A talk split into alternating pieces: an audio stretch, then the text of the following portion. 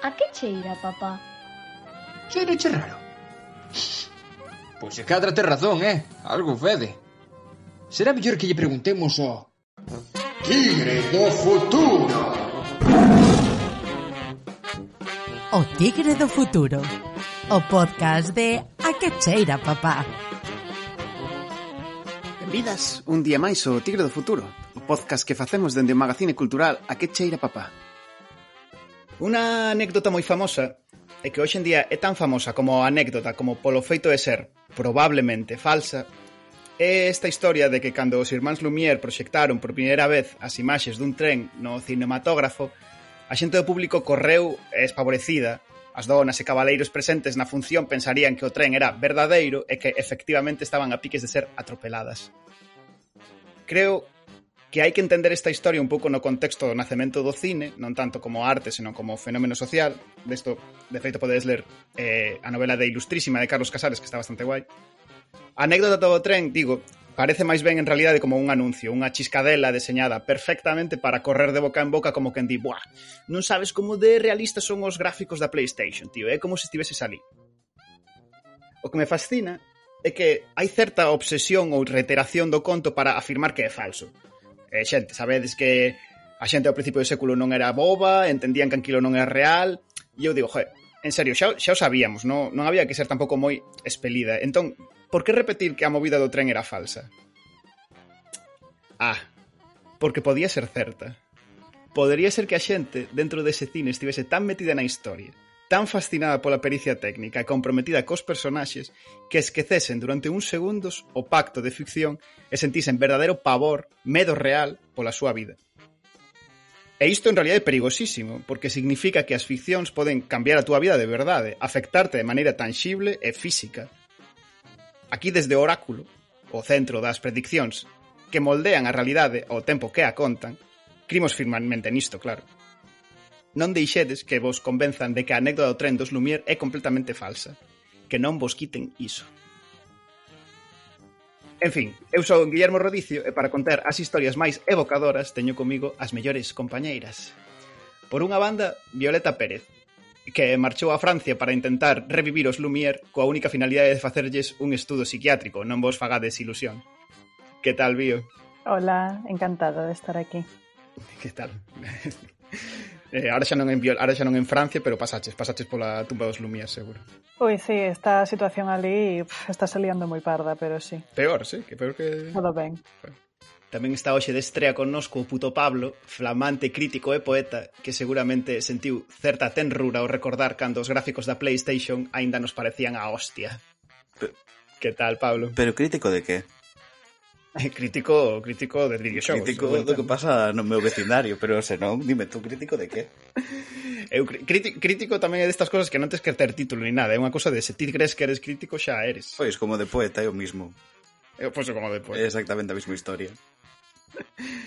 E por último, Ángela Lema, acomodadora das películas incómodas, que toma palomitas dende o fondo observando tanto a pantalla como as que a miran. Que tal, Ángela? Hola, encantada de estar aquí. O 2022, el año de la ilusión y de la esperanza. Esta entrada institucional de Ángela. No me, no, me, no me, esperaba esta, este salto regio prácticamente de discurso de rei. vou, vou, a, vou a full, vou a full con, con 2022 despois do desastre do 2021 Esta es Te dices que o teuano a día 2 aínda mantesa a forza, non? Total, totalmente. Ai. As demais que estades, estades collendo ano con forza ou estades xa derrotadas ante a evidencia? Queres que diga a verdade ou que minta? o último que se perde é a ilusión. o último, o 31 de decembro, significa, non? O sea, o 31 de decembro perde a ilusión. Ai, como sempre, sei que eh, todas estades desexando ofrecer as vosas historias ao tigre, pero precisamos dunha pregunta para char a orde. Recordade a amada audiencia que podedes mandarnos preguntas vos mesmas eh, para que contestemos nesta parte do programa e eh, resolvermos a orde. De feito, a pregunta hoxe mandounola por correo ordinario nunha carta escrita con caligrafía exquisita e un selo antigo, Jamal Outeiriño. E a pregunta é Cal foi a última vez que fostes ao cine? E a ver o que, claro. Uf. Wow, eu estou dudando máis. Bueno, me tenéis que decir tampouco data exacta, eh? So... Ai, mira, pois eu fai un mes, pero foi a un cine dentro dun evento que facían nunha, nunha galería. Non era un cine separado, pero tiñan unha sala de proxección e facían ali proxección dunha peli nova. Non sei se conta, sí, non? Ah, claro que conta. O sea, había un foi evento gratis, social... pero conta. Claro, había un evento social onde vos reunistes para ver unha película, se eso non é un cine. Bueno, tiñan butacas, eh? Buah, pues veña, tía. Entón, todo isto todo esto acaba de ser unha excusa hipster para decir que non era un cine comercial e eh, que levas gafas de pasta, eh? Que... Ah, que, que, que, que, foi gratis. Claro, pois pues entón eu, claro, entón eu non fai tanto tampouco, vin un documental no auditorio de, de Cedeira. Home, iso conta. Claro, entón, eso foi que fai... Dixetes fai un mes? Sí, por aí. Estaba dubidando se facía dous ou tres, porque dicir, fai medio mes e se chejano, no. Fai, non sei, fai, fai dous meses ou así. Fai dous Pasa que o teu Ángela, non sei se conta, se, se organizaches ti a proxección, conta menos, eh? Por... Oh, como que conta menos? Ten que contar máis, Guille, por Dios. Porque non, non fuches ao cine, sabes? obligaches a xente a ir ao cine porque estabas organizando de ti, sabes? Joder, pois pues conta moito máis, estou... Se Ángela non vai ao no cine, o cine vai a Ángela. Está moi malo do cine, xente, pero vinde porque vos obrigo. Home, claro. E ti, Pablo? Eu estaba meditando para non dicir a verdade, pero eh, a última vez que fun foi cando fun ver eh, Dune por cuarta vez ao cine. Non quería wow. recoñecelo en voz alta, pero sí. No ante o público. Sí, así que foi foi aí na estrella de Dune, non sei exactamente cando foi, pero esa foi a, a vez. Eh, e pois que... Foi fai pouco, non? Sí, pero un mes eh, sí, hai máis, máis hai, hai casa dous sí, meses. Hai, sí, hai, moi, hai bastante xa. Pues, joder, pensaba que non ia gañar hoxe, pero creo que gaño eu. Creo que foi hai como 15 días o cine a ver a última de Scorsese, que non me gustou moito, a verdade. Non siquiera Spiderman. no. Outro de mentir para non dicir, no, pero a verdade que non vinha de Spiderman. Non sei se a Ai, non, non, non, mentira. Fun a ver a de West Side Story, pero fai tres semanas, así que gañaste, Guille. Ah, bueno, pois pues aí xa me pillas máis preto, eh? Sí, sí. Non estou no, segura. Pero gañando. Non estou segura. Que tal a de Spielberg? Mal, non? Bueno, non sei. Moita masculinidade tóxica que eu creo que podían tela forrado, non? Se fan un remake, pois poden facer un remake de todo. Creo que foron demasiado como demasiado semellantes ao, ao original. Pero bueno, as cancións espectaculares, os bailes magníficos e bueno, unhas voces moi boas, pero bueno, sí, creo que sobraba un poquiño de masculinidade tóxica por aí. Pero non quitaron nada, ou sigue sendo como a clásica? É moi moi moi similar, eh, realmente, sí. tampouco pensas que fe, que fixeron tanta. A ver, fai moitos anos que vin a, a original, igual aquí a xente discrepa, pero pareceume bastante fiel. Sí. Ah, pois non sei. A eu a de, da, era de Scorsese? Non, a de Scorsese non, a de Ridley Scott, a última, a, a del último duelo, que non me gustou moito. De feito, penso, podo dicir a, a última de Wes Anderson que me gustou bastante máis, a de non sei como se traduce, o French Dispatch. Esta, sí. esta sí que é recomendable, esta sí que a recomendaría, vai. E Ángela, ti cal fuches, o sea, cal era o documental que non quixiches facerte autopromo? No, eh, proxectamos eh, para a rapazada do instituto de aquí, eh, o documental de Barullo de Bocixa Rey que, que bueno, que ofrece unha panorámica do, da música actual en, en Jalisco. Que guai. É super, super guai, eh? eh e aparte eh, direi que descubrí, descubrín bandas, eh? en plan, moi guai, moi moi guai. Estos son todo entrevistas a, pois, pues, que sei, Moncu, a, eh, a familia Camaño, que guai. Eh, despois, bueno, tamén Guadi Galego, tal pero moi guai. guai. Eh, molou moito, eh, funcionou moi ben, eh? Moloulles, moloulles moito. A verdade é que é super guai.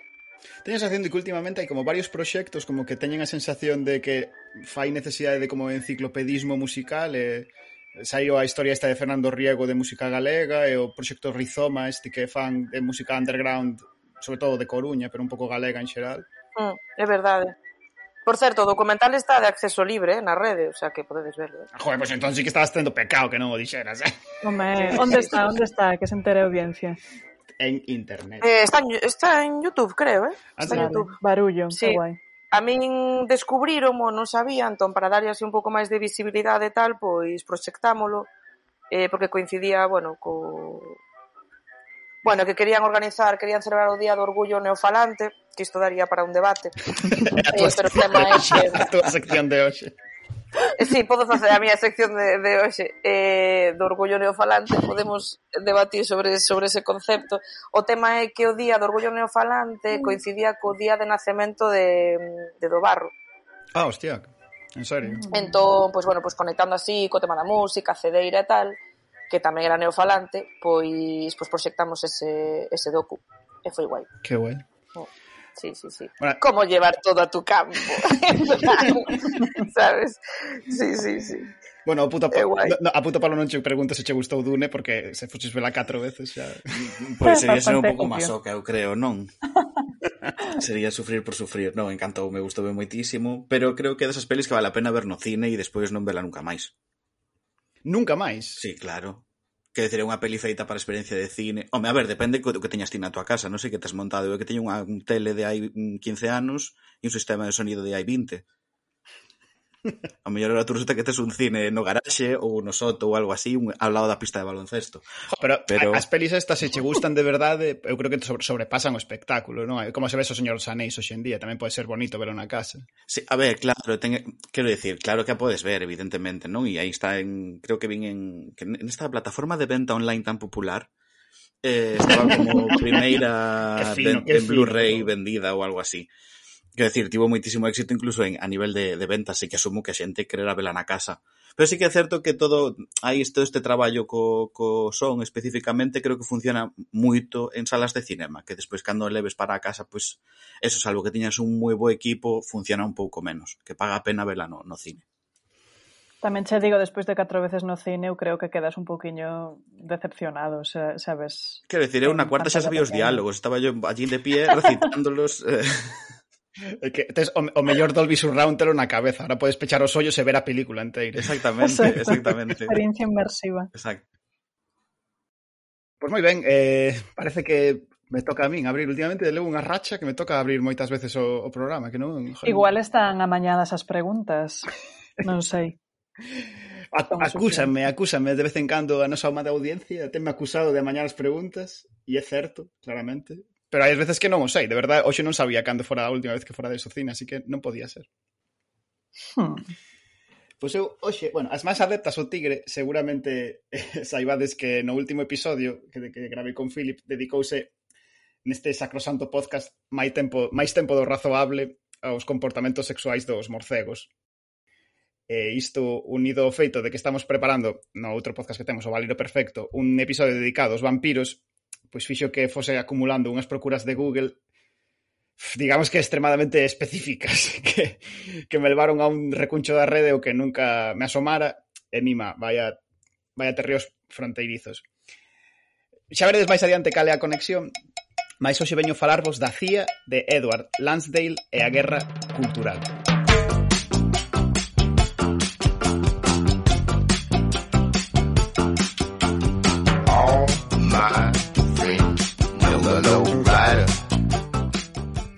Vale, como premisa ou como exercicio previo, se só coa frase guerra cultural en, en que pensades en xeral? Se, se digo guerra cultural, en que tipo de cousas pensades? Escribimos a geada e o sese ou non?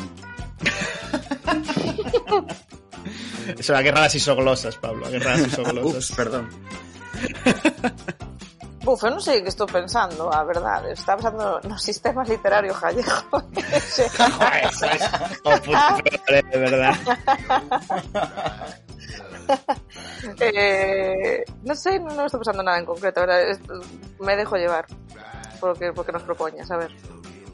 Pero digo, normalmente, cando se fala de guerra cultural ou cando se adoita falar ese nesos termos pois, a, a, os temas a tratar normalmente son pois rollo ai, que vemos moitas series norteamericanas e acabamos asimilados culturalmente ou ah, sabíades que as películas de alienígenas eran propaganda antisoviética ou que Godzilla era unha metáfora da bomba atómica sabes, ese tipo de como de empregar os teus produtos para atacar outros estados, non? Mais no contexto da sección de hoxe imos falar de guerra e entraremos moito máis literais, de conflicto armado e accións bélicas, de coller a cultura do inimigo e convertela en arma e tamén de olladas coloniais e como afectan a enxeñería armamentística. Vale, de priori entendo que non teño que facer aquí ningún disclaimer de que a CIA leva xa décadas actuándose moito pudor no estranxeiro, eh, pero por si acaso de deixamos isto como premisa evidente da que creo que non paga moito a pena discutir, non? Correcto, sí, sí. Sin sorpresas. vale, entón, a primeira operación da que, que vos quero falar hoxe é a chamada Operación Fantasía, Bravo. que xa é un, xa un naming moi bo, pero que a mí me gusta chamar Operación Naruto.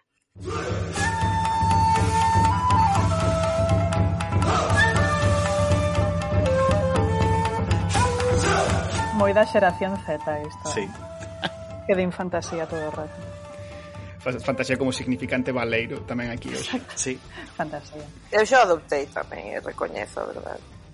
Que, que fantasía esta sección. Sí. Vale, como colocámonos cronolóxicamente nos anos 40 do século XX na Segunda Guerra Mundial. De feito, a CIA nesta, neste momento aínda non existe como tal, Mais no contexto da guerra, o goberno norteamericano crea unha axencia que chama a OSS, de Office of Strategic eh, Services, e que ven sendo o antecedente claro do que ven despois a CIA, vai. A cousa é que a OSS nace nun contexto de crise e ten como a obriga de buscar solucións creativas e conseguir información dos inimigos moi rápido, cando aínda son unha, unha, unha xencia moi recente. E isto levou a desenvolver algunhas estrategias máis tolas que eu escoitei eh, nunca. E podría contar moitas, pero no, contexto, no contexto do que vos quero falar hoxe, eh, vou destacar a Operación Fantasía, que foi unha audaz manobra coa que pretendían eh, facilitar a invasión de Xapón dentro da Segunda Guerra Mundial. A operación mestura o que son os highlights do seu tempo, en realidade. Radioactividade, odio xaponés e un sentimento de superioridade eh, moi cuestionable. A idea consistía, basicamente, en coller un montón de raposos pintalos cun químico radioactivo que os fai brillar na escuridade e soltalos preto de áreas moi poboadas de Xapón. Mima. a ver, para entender a xogada hai que saber que na cultura eh, ou religión sintoísta de Xapón non teñen o que nós pensamos habitualmente como deuses, adoran unha especie de espíritus animais, os kami, que teñen moitas formas e funcións. Un moi habitual é o, o raposo, en particular o chamado raposo de nove colas, os denominados kitsunes, eh, que son espíritus protectores do bosque con forma de raposo. Eh, de feito, noutras liñas xintoístas hai como unha especie de deus que tamén comparten cos budistas que se chama Inari, eh, que, que tamén ten forma de raposo, vaya, que é como un raposo. De feito, esta simboloxía, non sei, non sei se viches, por exemplo, en Mononoke, que hai como representacións eh, físicas como de, destas de deidades do bosque que teñen como un papel fundamental na mensaxe ecoloxista de Mononoke, non sei se a vichedes. Sí, sí, sí, é verdade. Sí, é verdade. Eu tamén pensei en no videoxogo Ghost of Tsushima, unha das criaturas que podes interactuar e protectoras dos, dos bosques xaponeses, pois é precisamente a, a raposa e pese aos templos dedicados a Inari e demais. Claro, que che, que che fai como de guía, non? Vas a sí, exacto. Tens que, tens que perseguir o animal que te leva ata o templo. Que guai. Sí, de feito, a, ti, a simboloxía do, do raposo é super, é super común e dá Eh, vesen un montón de obras e de revisións que fan, eh, e quizáis a máis famoso, e por eso se chamaba Operación Naruto, é en Naruto, onde o neno ninja Naruto está como poseído por un espírito demo que é o raposo de nove colas, non? Que falo, falo un pouco de que sigue sendo como unha cousa eh, moi viva dentro do folclore, do, do que pode ser a imaxinería da mitoloxía de Xapón, non? Eh, entón, converter en armas estas especies de mini raposos eh, deuses. O sea, os norteamericanos pretendían faceros corpóreos e deixalos alrededor de zonas poboadas para que pues, o pobo nipón asumise que os seus deuses estaban enfadados con eles pola guerra ou que acabasen aterrorizados ante a visión radioactiva dos seus espíritus protectores. Eh, que en realidad pues, tamén pensamos que eses rapos estarían como cabreados porque pues, tens que volalos en avión a outra punta do Atlántico, ¿no? Pero, o sea, a outra punta do Pacífico eh, para a decepción da que sen dúbida sería a mellor liña eh, da historia do multiverso, a Operación Fantasía non se, eh, non se acabou por executar, lamentablemente. Pero isto non significa que non fose un proxecto serio dentro do, do OSS. A peña esta chegou a facer probas reais con varios raposos, pintándoos con químicos que os facían fosforescentes e soltándoos soltaron uns 30 no Central Park de Nova York cun suceso notable os neoyorquinos estiveron unha época verdadeiramente acojonados polos espíritus kamis de Naruto que había polo, pola, polo medio da cidade. Sabes, a, a min recordame isto a, a historia esta de que a xunta é a que solta lobos por, con helicóptero por aí. Andan soltando algo. Cando empecemos a ver os lobos fosforescentes de noite, empezaría a creerme esta teoría de verdade, sinceramente. Bravo. Despois desta Operación Fantasía, eh, nace eh, que, todas as frases que levan a Operación Fantasía son as mellores frases da historia, probablemente, pero bueno. Digo, despois da Operación Fantasía xa pasamos ao nacemento da CIA e entra en escena o que é o noso vilán de hoxe que se chama Edward Lansdale. Eh, Lansdale foi un militar estadounidense que acabou sendo maior xeneral e traballou durante moitos anos na CIA, un tío eh, como de rango moi alto, vaya, non é un mindundi digamos que Lansley foi toda a vida un amante da guerra psicolóxica e estou seguro que miraría con moi bons ollos todo o tema da Operación Fantasía porque estaba convencido de que a maneira máis eficiente e directa para gañar unha contenda de guerra era empregar a cultura do inimigo contra el. Eh, imos falar de das que eu creo que son as dúas mellores ideas que tivo Lansdale nunca, comezando por a que probablemente o fixo máis famoso, que é a campaña dos Aswan nas Filipinas.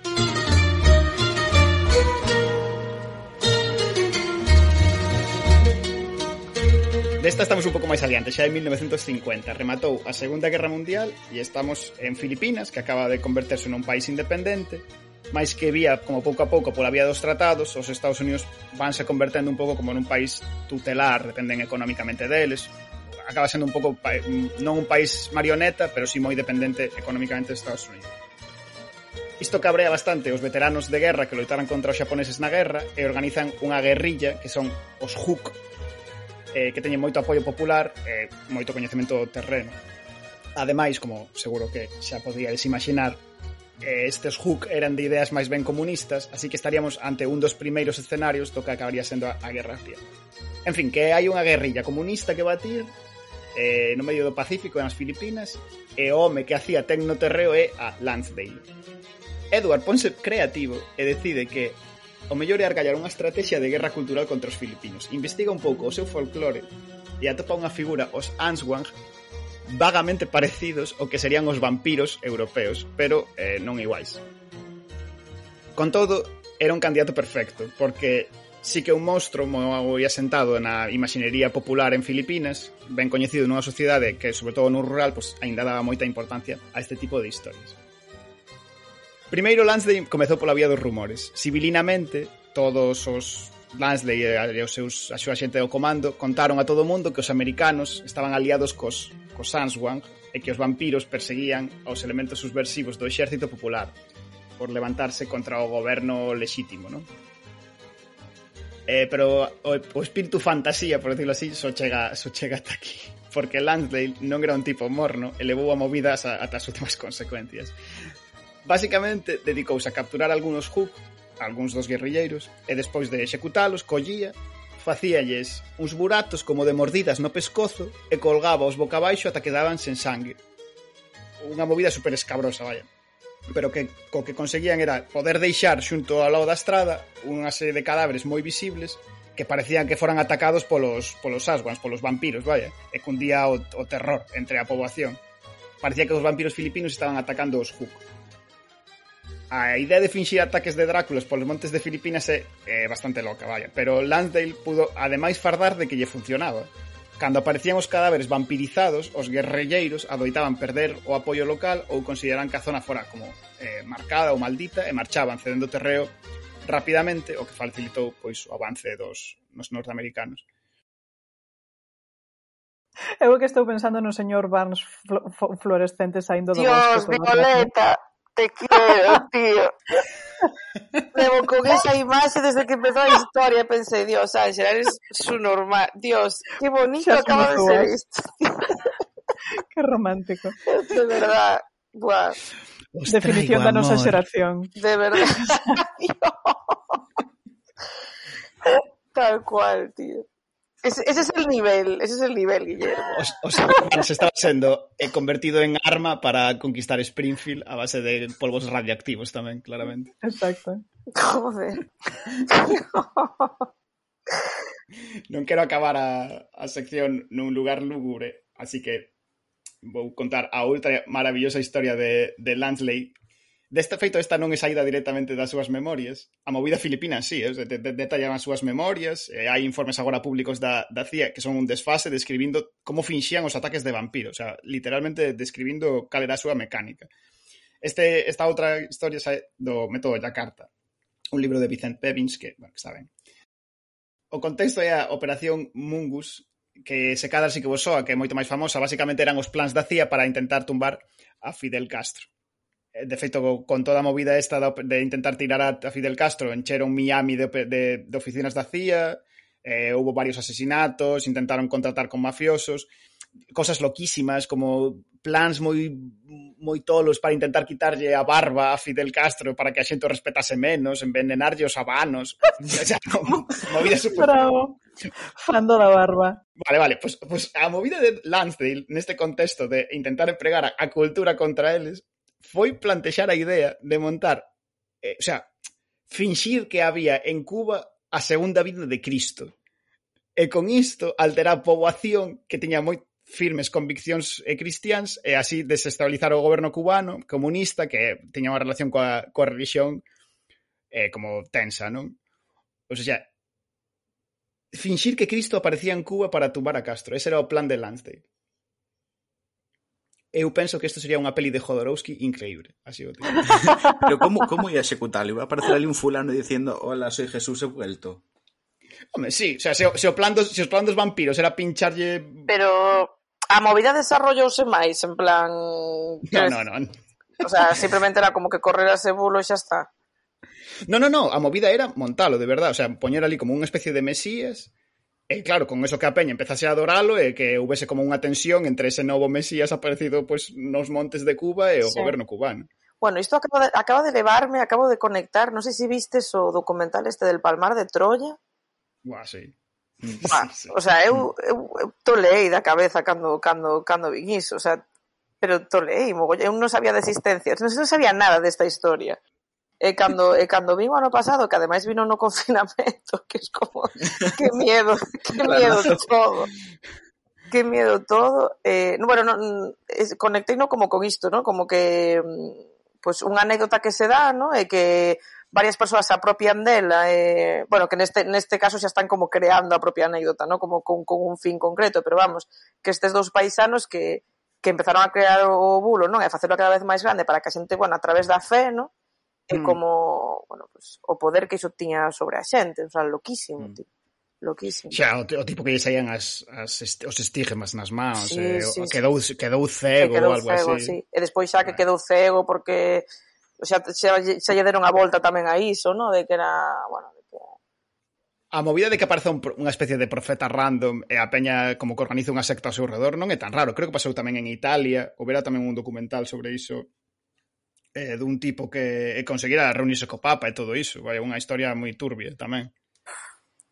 Xa que... Eu que vexo é que todas estas historias teñen en común, a ver, dende o meu punto de vista, eu creo que este señor está eh, como infraestimando totalmente a culturas que non son a súa, non? En plan, exacto, claro. pago unha cousa simplísima, vou reducir toda unha cultura complexísima da que sou completamente alleo e non teño nin idea a, a súa creenza religiosa e entón se ataco iso, vou destruir absolutamente todo, pero é unha cousa absolutamente xenófoba, racista e, eh, vamos, de, de supremacía Sí. Colonialismo absurdo, supremacía sí. occidental, ¿no? Que dices, por favor, sí. tío. Mm. É que, joder, de feito, había unha crítica divertida que era o rollo de que co, do, co de Filipinas, o tipo fardaba moito de ah, eh, en, entrei no seu folclore local, eh, fixin... No seu folclore, pero, mamá. En realidade, en realidade, non, tío, o sea, escoitaches a palabra vampiros, escoitaches Exacto. campanas, e decidiches facer como todo ese, non sei, degradación a uns cadáveres e a xente non pensaba, o sea, non cuadraba co que é o Aswan en realidade en Filipinas, pero claro, se deixas un montón de cadáveres torturados e masacrados ao lado da carretera, a xente tende a acojonarse igual, sabes que decir? Digo, non digo.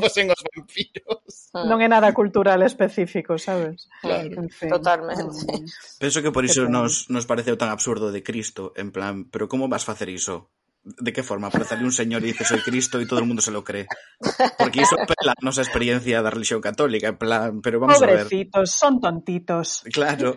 Estoy pensando en esta Por escena favor. de Family Guy cuando aparece Cristo con los dedos. Na, na, na, na, na, na ¿sabes? Sí. la cabeza sí. y os junta. Pues literalmente eso. Tal cual. Poñe dar un espello para que flipen. Claro. Ai, de verdade, eh, non podo. Entón, todo este tema de cando nos encontramos ahora xabaríns, así, cando vamos conducindo, todo iso, temos que empezar a pensar que, que esto pode ser... Son rusos. Eh, sí, algún tipo de cousa, porque a min xa me ten pasado varias veces, eh? Se se te cruzan moitos xabaríns é que eres o comunista... Ou vives en Santiago. Pois pasoume en Oleiros, eh? territorio comunista, xa xa dixo, oh, que, hostia, que o sea, na rotonda do Che. Casualidad, non lo creo. Dentro de 50 anos falaremos de como Gelo soltou jabalís en Oleiros para... Quedade, quedademos con isto. Realmente a miña etapa universitaria decía Santiago agora estivo moi marcada por cada noite que saía de festa encontrarme con xabarís no, na, así na Alameda de Santiago, eh? É, é unha metáfora ou é... No, no, é, no ojalá fose unha metáfora la metáfora sería en el Maicar. Aquí foi literalmente pola noite volvendo oh, no, a casa, pero un montón de noites, sobre todo cando chegaba eh, o verán, eh, encontralos ou no campus sur propiamente, senón na Alameda, baixaba o xabaril coas súas, coas, vamos, coas xabarís pequeniños por aí e, e tan chill pola cidade. Bravo. A xente flipando no confinamento, un... en plan, mi madre, un xabarín en non sei donde, en muros. E eu en plan, chico, pues, non hicisteis en Santiago 2012, sabes?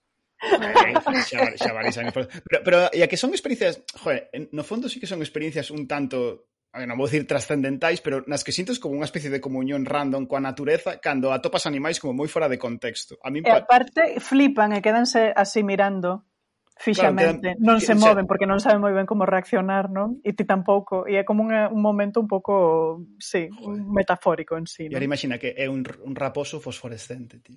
Exacto. Xa, tío. Eu cando falo cando falo sobre isto de, de, de confrontarte cun animal e ollarte cun animal, bueno, evidentemente cando pensamos nun animal salvaxe está esta experiencia de decir que fago e o animal tamén está que fago, non? Pero sempre penso neste texto de, creo que era de Derrida, agora desculpademe se estou fallando o autor, pero era este esta idea de sair un día espido da ducha, pola casa completamente normal, nin, non poñer a toalla nin nada, e de repente ver que o teu gato está mirándote e sentir pudor. Que guai. E, e claro, de repente identificarte naqueles ollos que te están vendo nu, sabes? Mm. E a min é aí onde se me crea o, esta sensación de estou me, ollando con algo que tamén me está ollando e que em, non sei como interpretar isto. Mm. Que chulo. Eu estaba nese, nese animal fora de contexto, estaba pensando que fai pouco eh... eh, fui a unha, ca- unha clase de proba de, de, de surf e vinme totalmente como un animal fora de contexto, como este no es no es, no, no es mi contexto. Bravo. Si soy, si soy. Atopas un golfiño e cruzades miradas e o golfiño recoñece que non estás cómodo. No, por eso es, eh, de como este non es, no este non era o meu contexto claramente, o sea, había unha forma de falar e unha jerga e tal que digo, isto non é non é o meu medio. Boas ondas. Claro, é como sentir así la ola. Pura y, vida. Claro, e todo eso. sentirme pois pues, como un, pois pues, como un xabarín atravesando a rotonda do, do Che, como de pobreiros, en plan, non é mi contexto. En fin, Como cheguei aquí, sabes?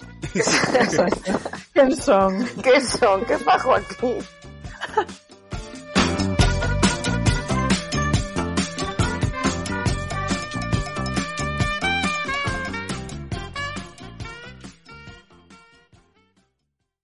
Pois moi ben, despois deste pequeno repaso que co conecta os raposos de nove colas cos xabalíns eh, de Oleiros, Pasamos xa a, a seguinte sección do Tigre.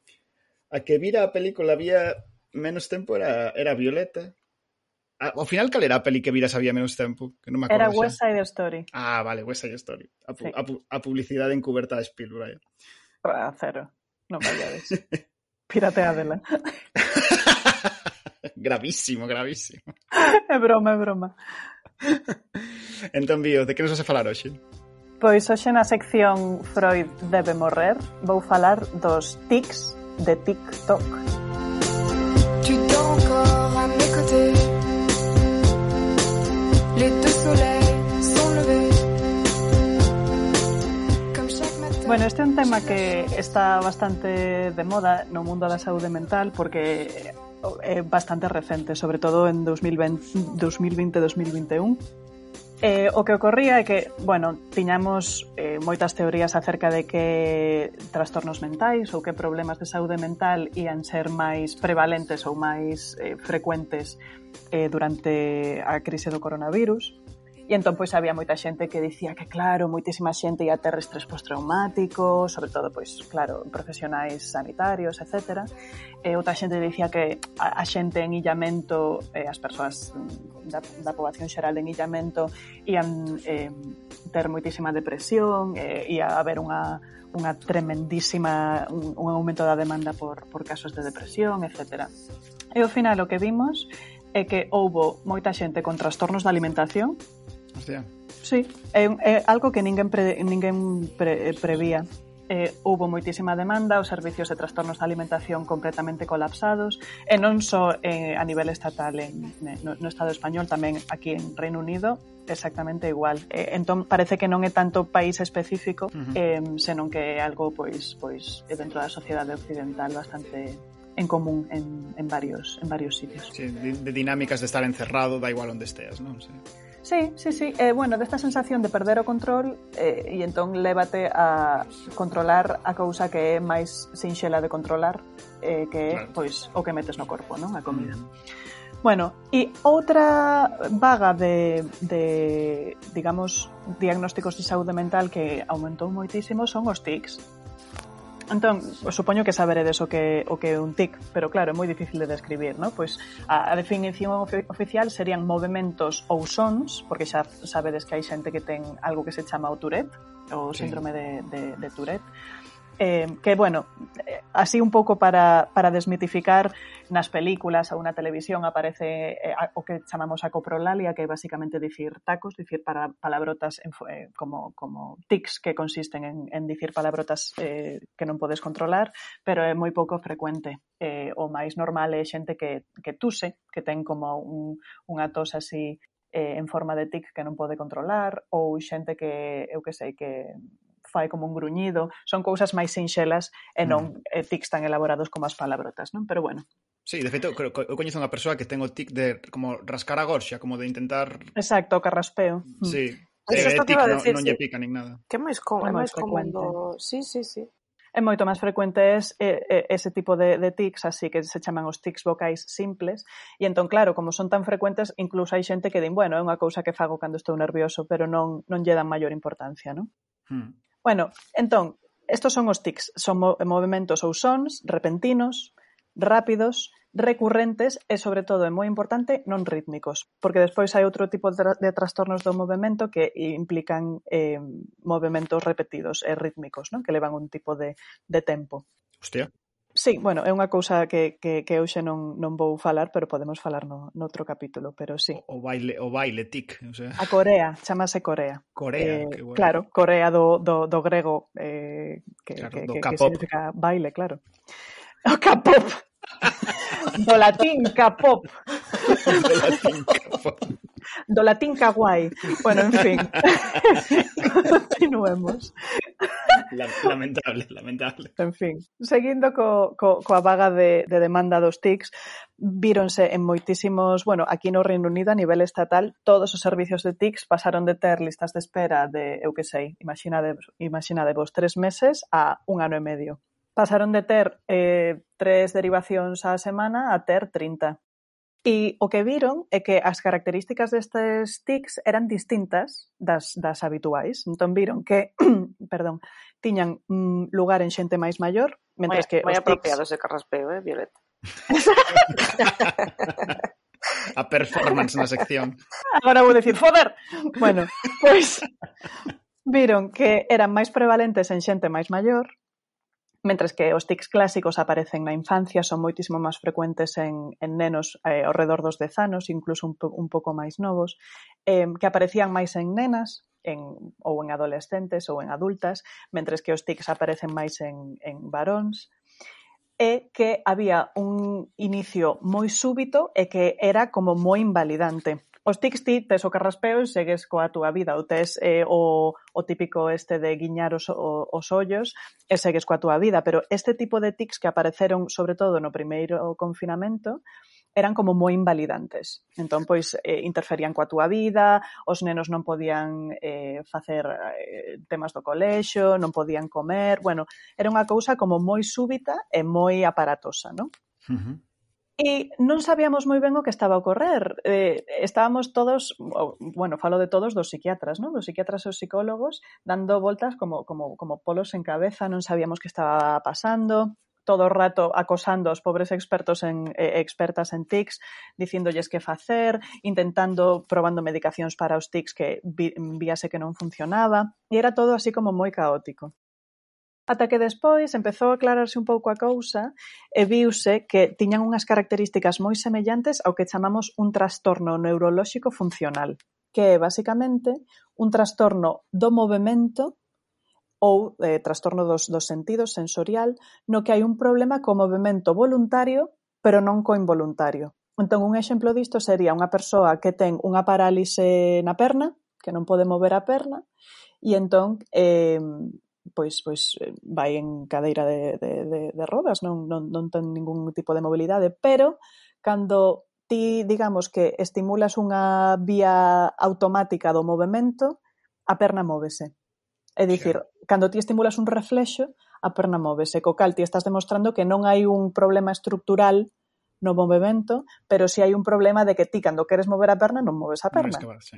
Exacto. Uh -huh. Entón, este tipo de, de diagnósticos son moi frustrantes, sobre todo para, para os neurólogos, porque digamos que non hai nada anatómico ou nada que ti poidas sinalar dicindo, vale, isto está mal, douche esta medicación e entón correxímolo, non? É unha cousa como máis esotérica, igual que o membro fantasma, igual que todas estas cousas así Xa. máis máis eh, eh un pouco a cabalo entre o psicolóxico e o neurolóxico, non? Sí, como que non hai dous cables que non fagan conexión e podo xuntar, senón que todo uh -huh. parece funcionar exactamente, pero non sei onde está o problema, é como de software, non? Sí, claro. Exacto. Entón ti levas ao ordenador a reparar e din, pois non sei, está todo perfecto, non sei que facer. Claro. Entón é moi frustrante porque a persoa ten un problema que lle está afectando a súa vida, pero claro. os médicos din, mmm, eu non eu non atopo nada, entón a persoa está completamente frustrada e o médico tamén, porque o seu traballo é arreglar algo que está danado, non?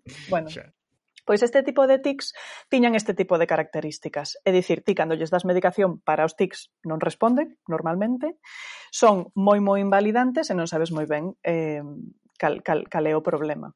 E despois, outra característica é que os tics clásicos teñen como unha especie de eh, sentimento premonitorio, é dicir, que ti tes a sensación de que o tic vai, vai vir. E entón, fas o tic pero ti como Xa. que como que sintes que, que, que o tic vai vir, non? E é como un, definen os, os, os, as persoas que teñen tics definen, definen como unha sensación de picor, e o tic é como se rascases esa sensación de picor, non? Sí, é, é un alivio. Ti cando fas o tic, alivias esa sensación premonitoria.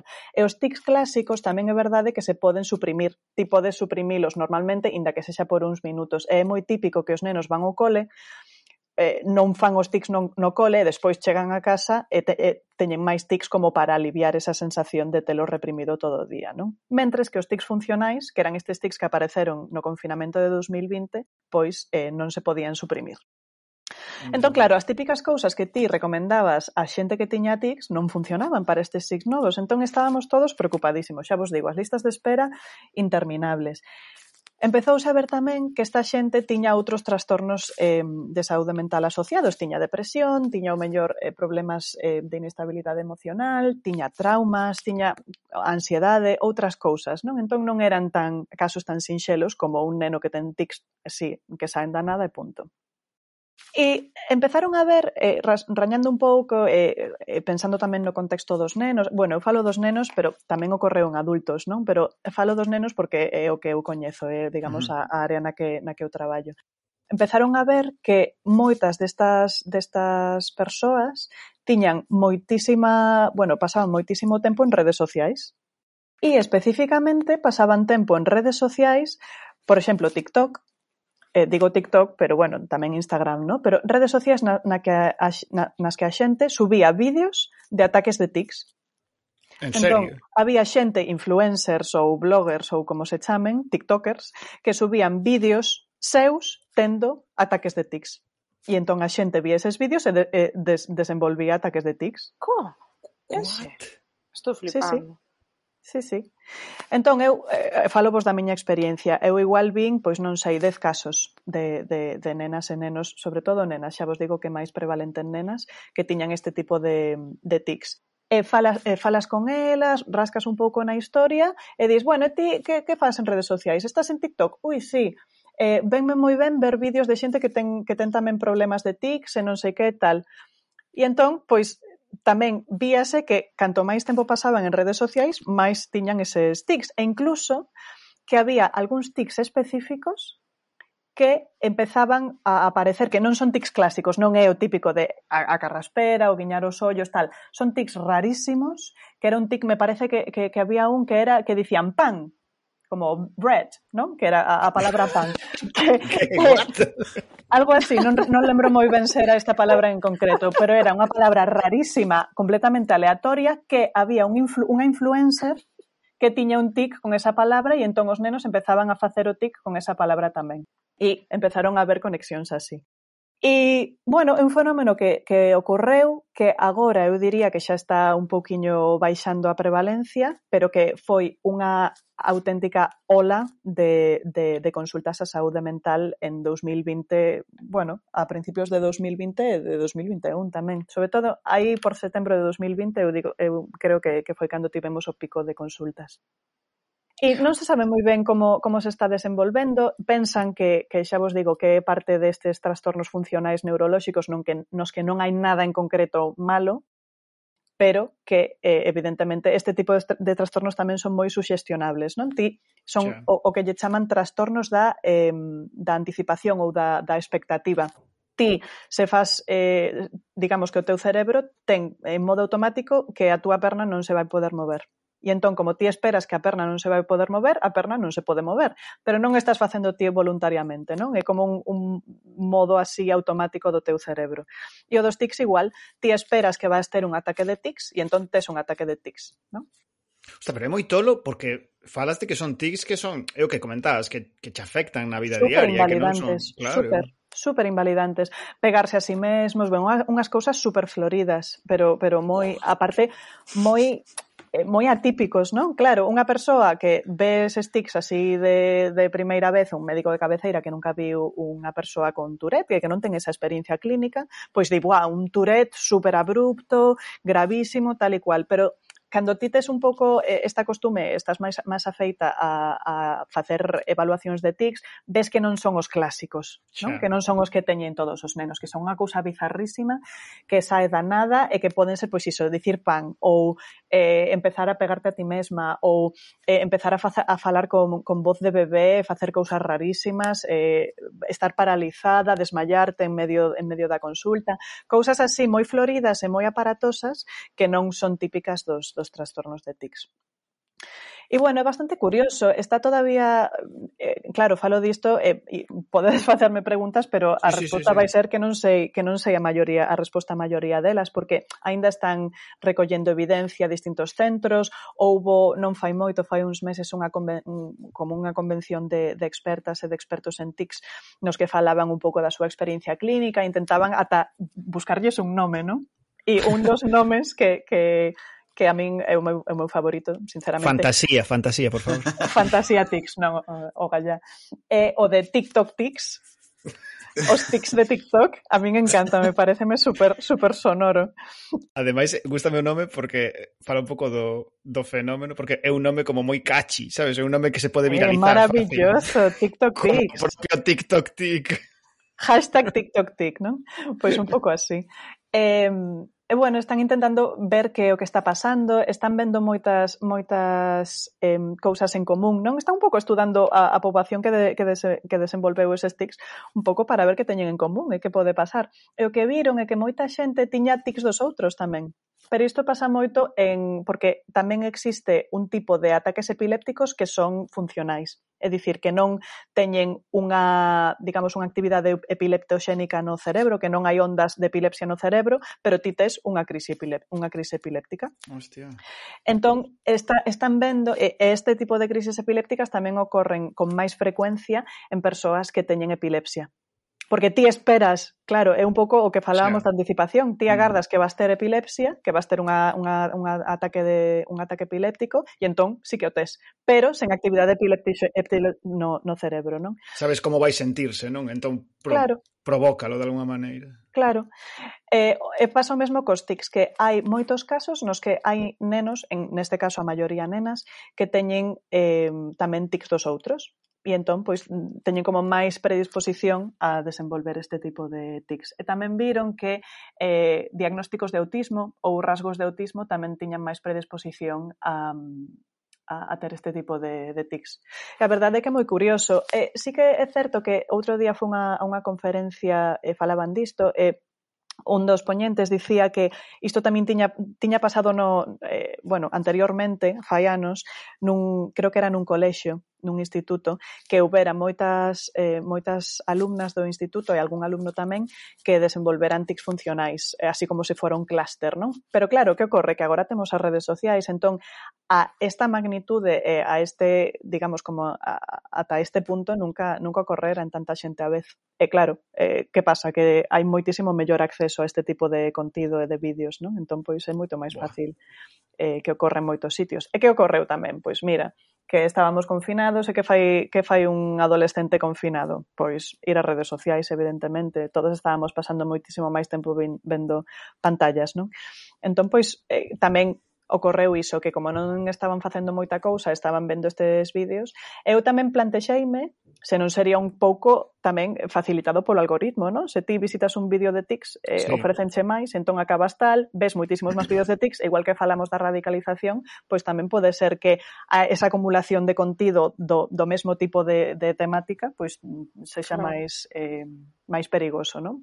Pero unha pregunta, Violeta, eh, Entendo que se daba como eh, maiormente en persoas que xa teñen ese tic e buscan a persoas que o teñan e digamos que o feito de velo de forma tan repetida como que o agudiza ou unha persoa que non o ten directamente pode desenvolvelo, non? Desenvolvelo, sí, exacto, sí, sí. pode desenvolvelo. Pero se sí. o desenvolves que que tes unha predisposición xa a, a iso? Non se sabe. Iso que están sabe, investigando, vale. que están investigando é se ti te, tes que ter unha predisposición, digamos, biolóxica que teu Exacto. cerebro poida desenvolver eses tics para que ti desenvolvas os tics ou se sí. pode pasarlle a calquera persoa. Hai moita xente, eu dos casos que vin, hai, eu diría que a mitade, pero claro, isto é, un, é unha estadística que me estou sacando eu así da manga, eh? pero na miña experiencia clínica eu diría que máis ou menos a mitade non tiñan ningún tipo de historia de tics, nin, eh, non tiñan ningún, ningún tic antes deste día. É algo moi moi característico tamén que lembran o primeiro día no que tiveron un ataque de tics. Mentres que ti, cando, cando tes un tic dos outros, digamos dos clásicos, dis, bueno, sí, cando tiña 3, 4 anos empecé así como a guindar un pouco o ollo e tal, pero non sabes a esa data específica. Non son que... inconscientes nin de cando porque xa levan como con iso... É porque é moi ah. progresivo. Claro, mm. ti empezas un día cunha carraspeira, despois vaise como aumentando e gradualmente pouco a pouco tal, mentres que estes tics, de repente, un día, plas, empezas a facer todas estas cousas así un pouco da nada, pero hai, eu diría que hai un, un porcentaxe de xente que, que non teña ningún tipo de historia de tics dos outros, non? o de pan pareceume mm, super divertido porque pensei que decías pan como como como exclamación, o sea, como intersección. No, pero cando dices bread, eh, claro, digo, equivalente aquí churrasco ou algo así, sabes? Volaría Ay, como, como canción, churrasco. Claro, pues... pero pensei que decías pan como, yo que sei, sabes? Sí, como unha onomatopeya. Boa, sabes aquí me estaba recordando a min que, que é unha historia que en realidade tamén valía para, para unha sección. Eh, Polo visto, hai varios casos documentados, o que a documentación é un pouco confusa porque son épocas medievais, pero sábese que creo que eran er, na época na zona de Flandes un, un dos casos, sí, outro a falar Alemania. agora tamén. Sí, vas a contarlo, eh? sí. O dos bailes, o dos bailes histéricos comuns que non se sabe moi ben de onde O baile de San Vito. Bueno, aí estaría colectiva maravillosa coa cal temos esta herdanza de Freud, non? De a unha muller pasalle algo e entón é como contagioso porque porque somos tan suxestionables como como mulleres que que contagioso, non? Claro, pero a historia dos bailes estes é moi loca, non sei se a coñeces, é que eh, eh, normalmente falase de que era épocas ou que pasaran como durante moito tempo en guerra e a xente tiña como moitísima tensión en riba ou pasaron mm. a época de, de hambrunas e todo o mundo estaba como moi nervioso e de repente como varias persoas empezaron a bailar maníacamente en plan no medio da no medio da praza do pueblo e todo o mundo se lles foi xuntando e bailaban como unha cousa que non controlaba en plan que houve peña que morría de, de agotamento, de, de bailar durante días enteiros e acababan mortos. E movidas así. que, que non están controlando nada do corpo, vaya. Pois sí, pode ser, pode ser, porque son suxestionables. Unha cousa moi característica destes tics é esa, que ti, cando tes un tic clásico, eh, ti se falas do tic, acabas tendo tic. Eso sí que ocorre, sí, cos tics sí, sí. normais de toda a vida. É eh, dicir, cando faz unha, unha avaliación de tics, estás facendo aí a primeira visita e tes que preguntar por varios tics e tal, o neno ou a nena sí que ten máis frecuencia, eh, con máis mm. frecuencia eses tics diante de ti. Pero a, a característica destes tics novos non é que é falando deles, é que vendo a outra persoa tendo ese tic, ti tes o tic, e isto non pasa cos tics clásicos. Entón, pois, esa suxestionabilidade da que falas, que sexa por ver a outra persoa, pois é como máis característica dos, dos trastornos funcionais, como este tipo de tics que eu xusto este, estivera investigando para este tigre sobre os casos de histeria colectiva para falar sobre eles mm. e o que me pareceu interesante sobre o tema do baile de San Vito, en particular ese caso en concreto de en Flandes tal, foi que hai mm, dúas teorías, pero parece ser que unha pode explicar a outra. Evidentemente está de, bueno, foi histeria colectiva, jijijaja, la gente pues le dio histeria hizo esto, pero a outra tamén está que puido ser por unha intoxicación de non sei que tipo de alimento que provocaba eses movimentos compulsivos do corpo e que foi a partir de ver a unha persoa mover, moverse des, daquela maneira ou a un grupo de persoas convulsionar daquela maneira que o resto se contaxiou, non? É moi parecido ao que tú estás explicando de, de TikTok. E mm. outro caso, pero este xa é moito máis recente, como do ano 2009 ou algo así, en México, nun instituto en que subit, parece ser que sucede recorrentemente, súbitamente un alumno desmayase e a continuación desmayan o resto. Sí. Eso é un trastorno funcional. É clásico, pero clasiquísimo, o, o desmayo funcional. Sí, sí. O que, me gustou da historia veces. foi que parece que entrevistaron o conserxe da escola e el dixo, sí, pero isto pasa todas as semanas. Bravo. Eu son Anxo Quintana. Todos eran Anxo Quintana. A peor puta referencia. Bueno, e non vos lembrades de Doraemon, do final de Doraemon. Doraemon, Doraemon, dicindo adeus. É que é un pouco semellante ao efecto chamada de, de cando publican un caso de suicidio nunha persoa, sobre todo, que, que é famosa e que ten así como moito prestixio. O efecto chamada, por iso os, os casos de suicidio normalmente non se publican. Eh, porque, bueno, porque teñen este como este efecto de contagio tamén.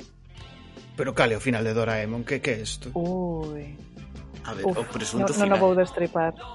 O presunto é, é unha lenda urbana. A ver, urbana. iso xa non é spoiler, eh, refírome. é unha lenda urbana moi coñecida, pero ti non o sabes, Guille. Ti sempre gañas.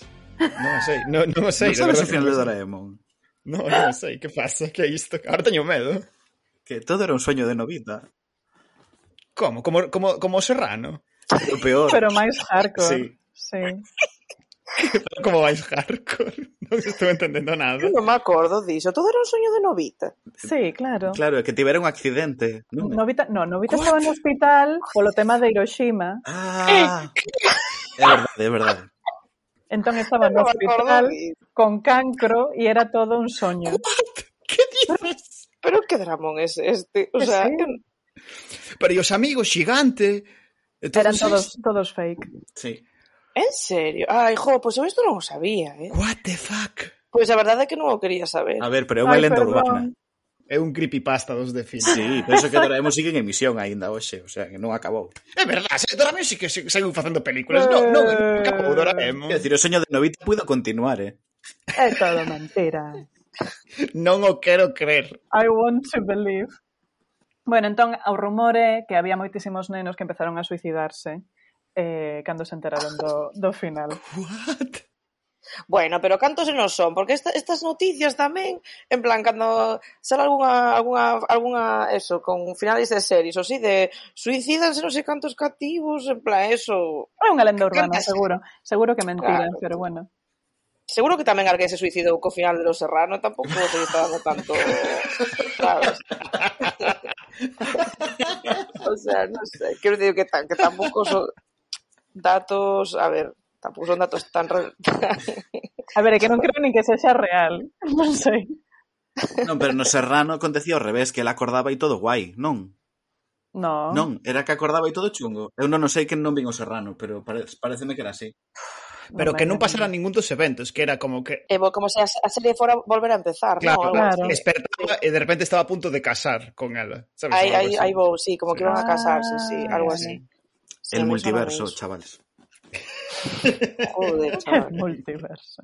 Buah, pero de Doraemon, do, do, o sea, isto non tiña nin idea. Eh? É super fake, pero bueno, a min gustame contalo. Nada, as historias hai que querer nelas, é eh, o principio do podcast. Sí, a ver, Xapón e o suicidio son unha cosa realmente. Xa tamén, sí. Xa, tamén. Ai, ai, ai. Históricamente, rollo samurais, non sei que, o país está como moi asociado coa práctica do suicidio, quero decir. Oh. No pasa nada, seguro que hai un, hai, hai un raposiño preparado para animar. Oh. Bueno, aquí en Londres hai moitísimos, eh? pouca broma.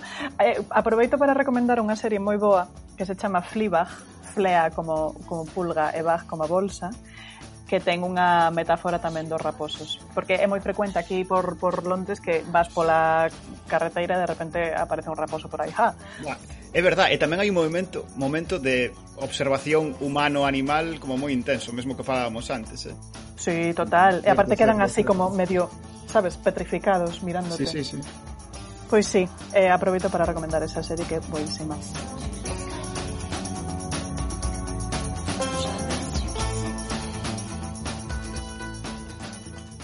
Ai, pois moi ben.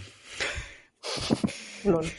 Despois desta, non sei, épica travesía polo TikTok para acabar eh, recomendando Fleabag como un, un movimento de Prime super rebuscado.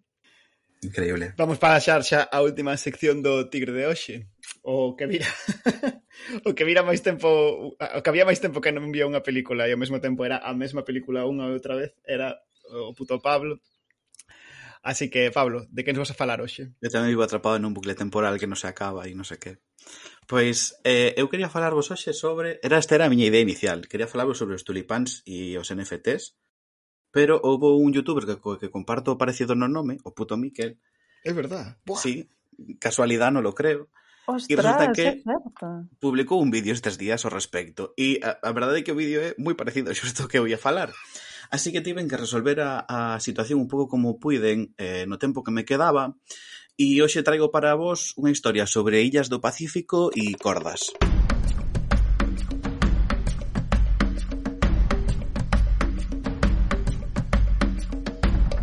Cando a miña idea de falar sobre NFTs e tulipáns mmm, acabou fatal, eh, empecé a pensar em, sobre falar sobre algo parecido, non? De que forma podía fiar cara a algún sitio. Foi así que pensei primeiro no da histeria colectiva, porque teño teoría de que todas as burbullas eh, económicas terminan por reventar por un caso de histeria colectiva, é sempre así. De repente alguén un día di, ai no, mi dinero, e lo saca, e todo el mundo lo saca, e se acabó. Buah, que, que boa metáfora, sí. Sí, realmente funciona un pouco así. De feito, revisando os casos de histeria colectiva, de histeria colectiva, perdón, hai un de 1907, creo, no, 1920, agora non estou moi seguro, en na cidade de Nova York, en que de repente toda a xente empezou a sacar os seus cartos completamente asustada e non hai ninguna explicación, non? Que pasa? Que encontrei ese caso, encontrei o caso das adolescentes que se desmayan mm, súbitamente en México e un conserxe que parece telo super normalizado sin ningún tipo de problema. Encontrei, evidentemente, os, os bailes de San Vito por Europa diante na época medieval mm. e ningún parecía convencerme demasiado, non? Os bailes medievais pois son moi famosos, toda a xente sabe máis ou menos sobre eles e o resto son historias que digo, bueno, lembro agora tamén que encontrei unha de un ataque de risa en nunha zona de África, creo, agora non estou seguro. E o que pensei realmente foi, isto foi un velatorio que se lles foi das mans, sabes? Nun velatorio non te podes rir e de tanto aguantar termina desembocando nun ataque de risa colectivo. Tampouco me pareceu como, Claro, tampouco me pareceu moi atractivo porque é unha experiencia demasiado cotidiana e que vivimos día a día. Pero pensando no, no tema este de historias cole, de histerias colectivas, especificamente no, do dan, no da danza, no de bailar, eh, dixen, pero esta xente non iría á aldea do lado e vería que ali a xente non estaba bailando e diría, bueno, pois pues, tranquilo. E dicen, claro, pero que tal vez a aldea do lado estaba, non sei, 120, 130 kilómetros, mm, non o sei, tal vez a 40, pero son suficientes para que a viaxe sexa moi longa, non? De tal forma que vive sillado. E, e aí pasei a pensar eh, na idea de que conforma o teu mundo enteiro, non? Porque tú caes naquela paranoia de asumir aquel comportamento histérico porque todo o teu mundo o está facendo. E claro, pensei inevitablemente nunha illa, non? Penso nas illas, as illas son pequenos universos antes máis que agora completamente completamente illados e tive unha sensación como familiar. Unha sensación de eu xa pensei sobre isto, eu xa vin isto en algún sitio. Onde foi, onde sería? E puxenme a rebuscar nas caixas que teño na casa, porque desde que volvín para, para a casa familiar aínda teño un montón de cousas sen abrir e sen, e sen sacar das caixas, e empecé a rebuscar na caixa dos libros, coa certeza de que eu tiña ali algo que falaba sobre isto. E así é. Atopei un libro que merquei hai moitos anos chamado Atlas de Islas Remotas, que, que fala sobre illas, efectivamente, perdidas nos mapas e completamente illadas. Illas ás que normalmente non vai ninguén, e trae sobre cada unha delas un pequeno relato, Un relato que non sabemos si é verdade ou é mentira ou ata que punto é verdade ou ata que punto é mentira, porque moitas desas illas nin sequera teñen historia como tal, entendamos historia como unha historia recollida, non? Como un relato uh -huh. creado sobre elas. Son só moitas veces contos que se falan entre os mariñeiros nos portos cando xogan as cartas, ou tal vez a historia que contou un home que a descubriu e pasou 30 anos cavando esperando encontrar un tesouro e non encontrou nada, non? Especificamente, pasando entre as follas, cheguei ás illas do Pacífico, E ali foi onde encontrei dúas illas especialmente interesantes que creo que abordan de maneira acertada xusto o tema que eu quería tratar, o tema da, da, da histeria en comunidade, non? De como vivimos a esa sensación de, de paranoia e de, de apuro de forma comunitaria. A primeira é a illa de Takú, que é unha illa eh, preto de Nova Guinea, e se me permitides vou, vou vos ler, é pequeniño, un fragmento do que di este libro sobre sobre a ella. Son fragmentos que vou ler en galego, libremente traducido por min, non sei que, gracias. Titulación. Sí. E esta primeira, esta primeira, este primeiro texto di así.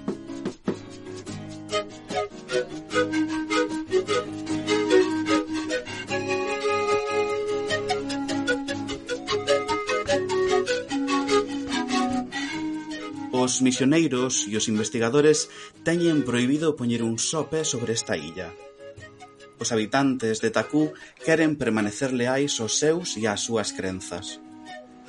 Necesitan a proximidade dos espíritos quen hai tempo ergueron esta illa, este fráxil anel de area que se eleva apenas un metro por riba da superficie do mar.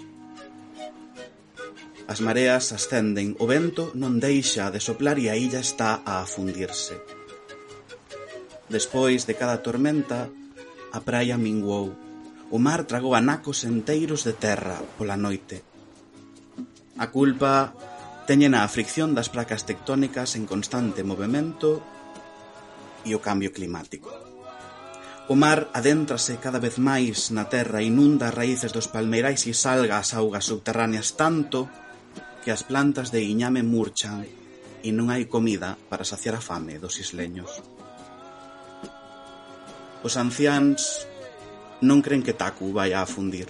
E rexeitan abandonar a illa, tentan construir diques, xuntan raíces, areas e pedras para formar masas compactas que depositan nas beiras máis ameazadas polo mar. Tamén rezan os espíritos e piden axuda aos seus devanceiros, os máis novos. Os máis novos non se deteñen a pensar nin no futuro, nin no pasado. E día tras día beben leite de coco fermentado polo sol. Das árbores colgan innumerables botellas de plástico para producir o licor. Takú afundirá nun mes, nun ano.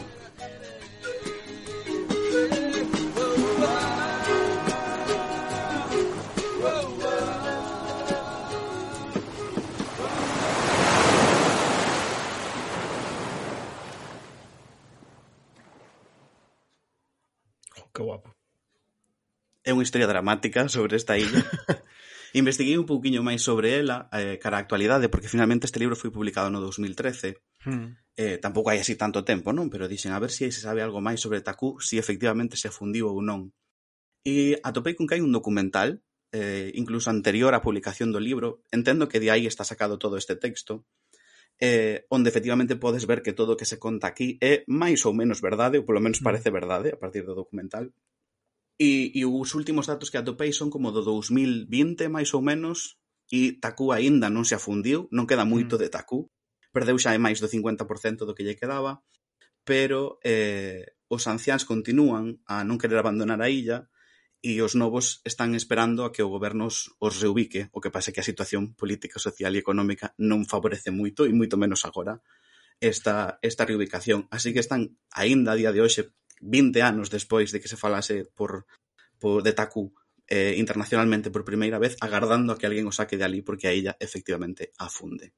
Sí, porque ademais creo que teñen como un, un problema a nivel de recoñecemento, porque como que son unha comunidade como que case non teñen nin pasaporte, nin documentación, están como integrados dentro do Estado de maneira moi laxa, non? Ou algo así. Sí, este ano foi a primeira vez que dende Papua Guinea realizaron unha visita oficial claro. eh, á illa e como que se comunicaron con ellos, con, con eles, pero é certo que eh, non a pesar de que houve aí certo certo, non sei, micrófono para eles, para eles comunicar os problemas da illa, eh, non se trasladou nunha, finalmente nunha, nunha realidade.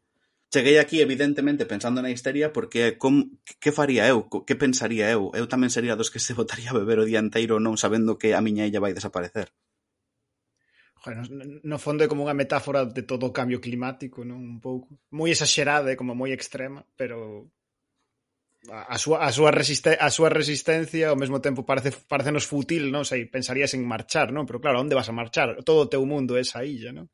En realidade non podes marchar. Exacto, é unha illa que está super illada, quero dicir, as condicións non, non permiten, non é moi fácil sair da liva E claro, só, só podes agardar, non podes facer moito máis. Pero a verdade é que convido a que vexades o documental se o tema vos interesa, porque é espectacular ver como efectivamente esas persoas están construindo todos os días unha muralla para evitar que a illa eh, afogue de todo.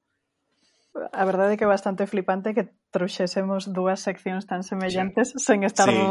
compinchados, así que sí. queda, queda genial. Eu todo quería planeado, facer... todo planeado. Sí, sí, perdón, perdón. Que ben que nos puxemos de acordo. Exacto, a logística. Exacto. Pois quería facer unha aclaración porque é verdade que o termo de histeria é un termo que moitas veces empregamos como sinónimo de pánico. Entón, mm. eu como psiquiatra toca huevos, quería facer un pouco unha aclaración de do que significa eh, no, no sentido traducido orixinal a palabra histeria. Entón, ben, evidentemente, de histeros, de útero, porque era unha doenza mm, psicosomática ou, bueno, mental eh, moi, moi presente en mulleres, e é unha das aportacións terribles que fixo Freud na miña, na miña opinión, pero ao mesmo tempo describe entidades que sí que, que, que, que siguen vixentes e que siguen existindo. Entón, é, é moi semellante ao termo que eu eh, é dicir, a presentación clínica que eu, que eu, da que eu falaba antes de síntomas neurolóxicos funcionais. A histeria uh -huh. é basicamente eh, ter síntomas sen ningún tipo de base eh, anatómica danada, non? Sin, sin unha lesión física no sistema no que, no que está a acontecer. Por exemplo, pois xente que ten náuseas pero non ten ningún tipo de... Son psicosomáticas, non? Digamos, uh -huh. esas presentacións. Entón, non é necesariamente pánico, pero é verdade que cando ti estás nunha situación na que tes moito medo e moita ansiedade, evidentemente eso pode ser un desencadeante de que, tenga, de que teñas eses síntomas psicosomáticos. Por iso, un contexto no que hai unha catástrofe mundial ou no que tes un trauma porque acabas de estar na guerra, non? como que mencionaba desde os soldados en Flandes, etc. Ese tipo de estresores eh, poden precipitar os síntomas psicosomáticos, pero o síntoma en sí, é dicir, a histeria en sí, non sería o pánico, senón que sería o síntoma que ti, que ti bueno, que ti presentas como consecuencia. Non sei se se entende, pero era para aclarar un pouco a diferencia. Sí, de feito ten moito sentido co que eu investiguei o que procurei porque eu partín desta idea común de histeria colectiva, non? Uh -huh. e, e é certo que os casos que ali se reunían eran moi diversos e gardaban claro. moi pouca relación entre sí. En que se Exacto. parece un home anticipándose á bancarrota de todo un país con unha rapaza que se desmaya sen ningún tipo de explicación biolóxica en México? Sí. Non, realmente estamos nos agrupando en histeria colectiva, pero que unha é unha reacción ao sistema económico onde vive e e outro é simplemente un acontecemento non que ya cae. Exacto. E aquí pensei no por, polo comportamento dos máis novos. Non? Finalmente, darse a bebida e, e simplemente non pensar máis é unha resposta a esa situación, non que pode Exacto. ser entendida como por que toda unha comunidade de xente nova decide comportarse así, non? Uh -huh. De feito, no documental un montón de persoas maiores din é que van polas rúas e van por aquí eh, rompendo todo e edificios e tal, o que non parece encaixar moito coa tradición que eles teñen de respeitar os nos devanceiros oh, e os espíritos sí. e non sei que. Aí hai como unha ruptura tan grande sí. e, e tan pouco explicada que, que sinto que é simplemente iso, unha resposta a unha situación que non, claro. contra que non podes facer nada. Iso no sentido freudiano non sería unha histeria, porque é simplemente unha como un pánico colectivo, pero a, a histeria sería desenvolver ese tipo de síntomas, un desmayo, unha crise unha crise epiléptica, os tics dos que falaba eu, iso sí que sería histeria colectiva porque é un síntoma psicosomático que ti desenvolves por contagio social. Pero eh, bueno, non ten por que ser eh, por contagio social a histeria, eh? é dicir, o, o, uh -huh. o punto de contagio viría polo subtermo colectiva, pero despois hai histeria que sae da nada que só ten unha persoa e que non ten ninguén máis no seu, no seu entorno. Pero a histeria en sí son eses síntomas psicosomáticos que saen da nada eh, e non o pánico ou o medo ou a anticipación. Pero o pánico e o contexto de medo pode ser o desencadenante deses síntomas. Claro. Pois, sabes a que me estaba recordando o da, o da xente nova Como se chamaba a illa? Perdón, tu, Tupa. Takú. Takú. Takú. Ah, estábame recordando a problemática que teñen os povos inuits tamén coa xente, as poboacións máis novas que teñen problemas gordísimos tanto de alcoholismo como de suicidios, sí. altas, altísimas tasas de suicidio. E no fondo, Claro, é, é o mesmo, quer dizer, o mundo dos inuits, tanto por eh, condicionantes eh, climáticos como por condicionantes económicos, acabarán sendo colonizados por sistemas eh, de estados moi grandes, capitalistas que ocuparon o seu territorio, o seu mundo desapareceu, entón como que están reaccionando a unha especie de apocalipse cultural mm. que se está afectando, non? No fondo é o mesmo que a xente da illa, o que no xente da illa vemos moi, moi directa, claro, o mar está comendo a terra, claro. pero no caso dos inuits é o mesmo, o seu mundo está desaparecendo, a súa uh -huh. maneira de entender o mundo desaparece, non teñen ferramentas coas que, pa, para lidiar contra iso. Claro. É verdade. E eh, por contrapoñer un pouco co que sucede en Takú, trae outra illa que se chama Ticopia, que está nas Illas Salomón, e, e o texto que fala sobre ela di así.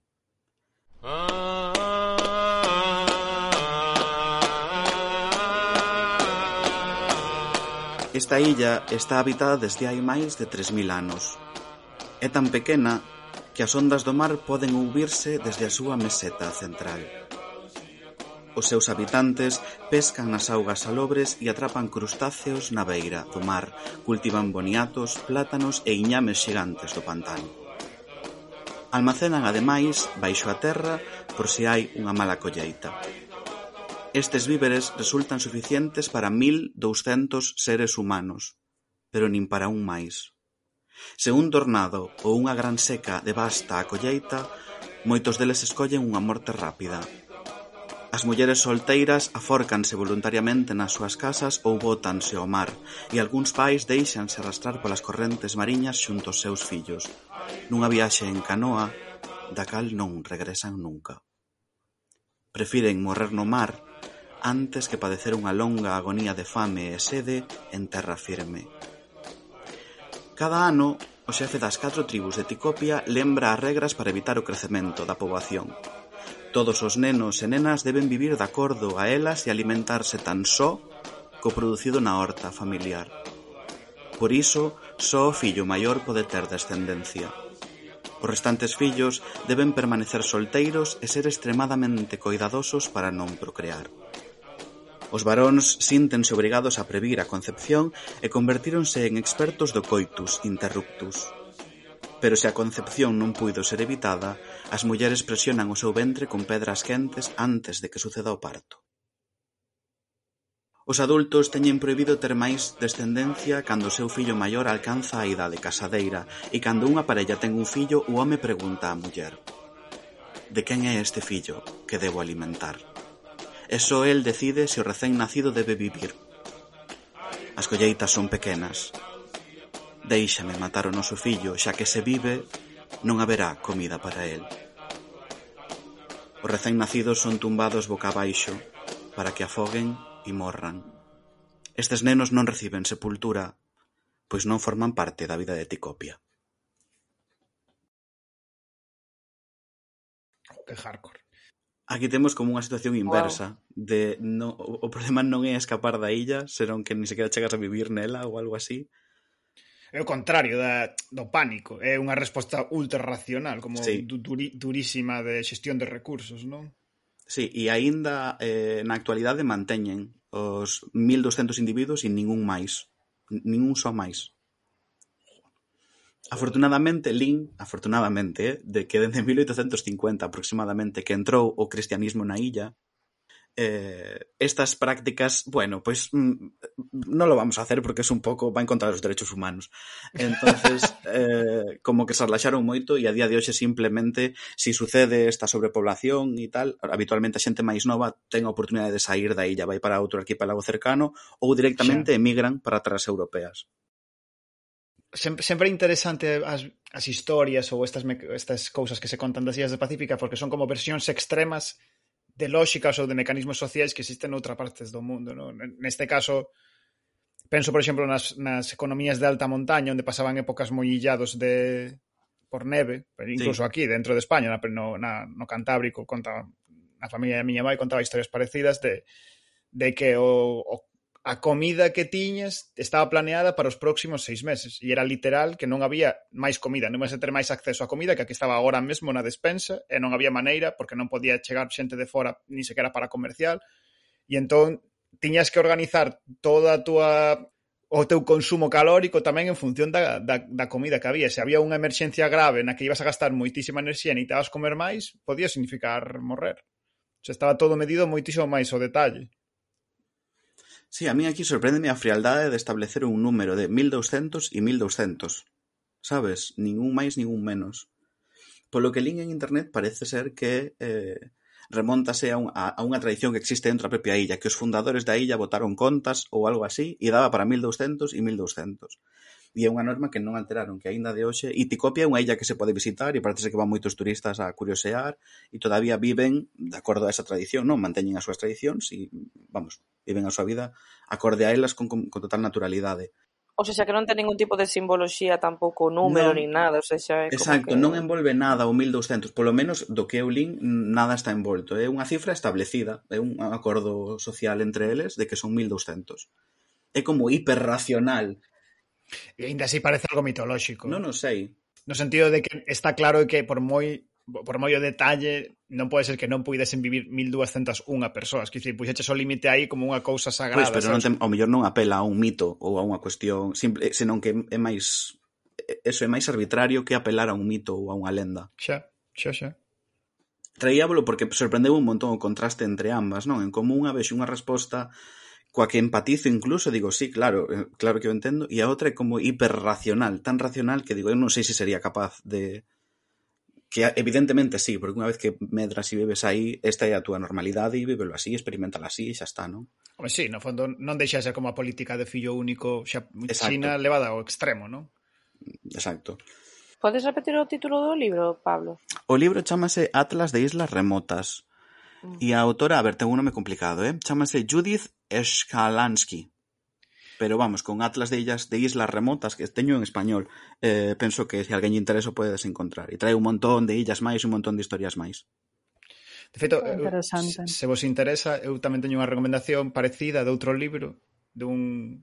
Sempre recomendo este libro porque me parece moi bo, que se chama Colapso, de dun xeólogo norteamericano que se chama Jared Diamond, onde fala de como varias sociedades eh, colapsaron por xerir mal os seus recursos naturais, un pouco como o caso contrario de, de Ticopia, Uh -huh. eh, a través de, de restos arqueolóxicos, estuda como algunhas sociedades claramente chegaron a algún tipo de colapso porque tiveron algún problema, porque hubo un cambio radical no seu clima ou porque xestionaron mal os seus os seus recursos. Por exemplo, a Illa de Pascua, polo visto, debeu quedar e Baleira porque sen decatarse talaron todas as árbores e non, despois non pudieron controlar, controlar a erosión e quedaron sen terrero arable, por decirlo así, por exemplo. E hai exemplos dese estilo que son moi interesantes. A verdade que penso que un, no contexto de cambio climático que vivimos eh, é moi interesante ler estes libros porque te dá outra perspectiva de que non é unha cousa que nos estea pasando por primeira vez a nós, senón que outros grupos sociais noutros momentos históricos pasaron por procesos moi semellantes. Claro. Bueno, non sei se vistes a serie esta de, de, de colapso. Cal, cal? unha, unha serie francesa de colapso foi considerada unha das mellores series do 2000, bueno, dos últimos anos. Uh -huh. É unha, un capítulo é en cada mm, nun lugar diferente. O primeiro capítulo é o supermercado, o segundo a gasolineira, é ante, digamos, a fin do de que o sea, ante o colapso, digamos, ante que todo vai a acabar. Como unha especie de falso documental dun, pos, dun apocalipse plausible, non? Unha mm. cousa así, soname de ver... Non, non documental, ou seja, é a historia, o sea, son, son personaxes diferentes e, eh, e como responden en escenarios diferentes. En sí. plan, por exemplo, a ver, que non quero, pero por exemplo, da gasolinera é é brutal porque hai, o sea, unha histeria eh, enorme porque non hai gasolina e como o sea, actitude de diferentes personaxes ante, ante ese problema. Pois evidentemente, pois quen toma a xustiza pola man ou quen, sabes, entón a do supermercado porque hai un desabastecemento brutal, a xente empeza a poñerse super nerviosa, pero, por exemplo, amigo da, o da residencia de ancianos, buf, ese capítulo é moi, moi brutal. Eh? Claro. Que guai. moi brutal, porque basicamente o personaxe principal é o, un dos asistentes o sea, dos enfermeiros, dos ancianos que non saben o que está pasando e que se ven un debate aí moral de entre, digamos, escapar ou quedar, e, buf, é, é moi chula, eh? é moi chula a serie, recomendo. Un Walking Dead, pero Mm, sen zombies. Estaba pensando, bueno, eh, simplemente por... Estaba pensando, joder, es que o de TV Copia eh, estáme volvendo loco, eu non sabía esta historia. Que a, da, data para pensar na, na movida do, do decrecentismo, sabes? Da, da teoría de que o fin do capitalismo é o fin eh, dos recursos que existen no planeta. E sempre parece como unha, como unha cousa que dis ou que pensas que ten lógica pero que non parece real, como que non estamos aí, pero claro, hai certa illa no Pacífico onde xa chegaron ao límite de recursos e organizaron a súa estrutura social atendendo a iso, basicamente. A ver, eu fun perverso con estas dúas illas que trouxen, porque a idea era eh, estou contando, non, que as traigo porque contrastan entre elas e non sei que e tal, pero realmente o motivo polas que as traigo, polas que, si, sí, polas que hoxe vos contei isto, é porque ambas reflicten eh, ou, ou polo menos relacionanse de maneira moi estreita con conceptos que se falan na teoría antropocénica mm. e sobre Taku, por exemplo, é unha referencia pareceme clarísima a sobre que a idea do colapso Eh, e a catástrofe ten moi pouco que ver coa apocalipse bíblica e ao final, eh, polo menos en Europa, vives tan rodeado por esta cuestión del apocalipse es el fin del mundo que de repente un día llega e se acaba el mundo. Que rollo, non, pero que eh, o que está sucedendo non é iso, é unha apocalipse moi moi lenta, sabes? É lenta e ademais é aburrida e é laboriosa porque a xente non se deixa morrer, loita por vivir, non? Entonces, eh, o que sucede é isto, un proceso longuísimo de ver como desaparece o teu fogar, pero tamén desaparecen especies, desaparece eh, formas e formas de vida, vaya. E, e por contra eh, está a ticopia, non? Que é xusto unha reflexión sobre iso, sobre o decrecentismo, ata que punto podes levar o decrecentismo e de alguma maneira falar sobre o decrecentismo tamén ten que colocarnos neste punto, eh, por iso insistín tanto no de que 1200 creo que non vende unha lenda senón que é unha decisión arbitraria porque para mm. nós tería que ser así. Teríamos que poñer aquí hai un punto, pese a que todos sabemos que non hai unha forma de dicir, vale, a partir de mm, 15.000 grans de area isto é unha praia e antes non o é. Non, é un pouco o mesmo problema.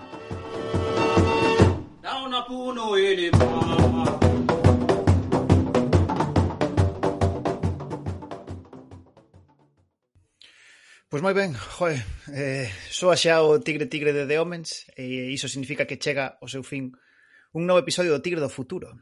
Saímos hoxe do oráculo un pouco afectadas, ou polo menos eu, polas historias tanto as falsas como as verdadeiras. Quero dar as grazas. Bien, empezamos o 2022 eh, fuerte, fuerte. a toque. Sí, sí. Intensas, intensas. Arranxando o mundo. Quero dar as grazas ás nosas cómplices do oráculo de hoxe, en particular hai o, o puto Pablo que se estreaba hoxe no Tigre, que non se xa a última. Pues... Se vos gustou e eh, non vos queredes perder as seguintes entregas do Tigre do Futuro, podedes suscribirvos en iVoox, e Spotify, Apple Podcast, YouTube ou seguir en xeral o que facemos desde a que cheira papá. Emplazamos vos xa para o seguinte Tigre que quen sabe o que agarda ali. Un saúdo e ata a próxima. Tigre, tigre, quen te pode deter, fai no pedazos e bañate no que quede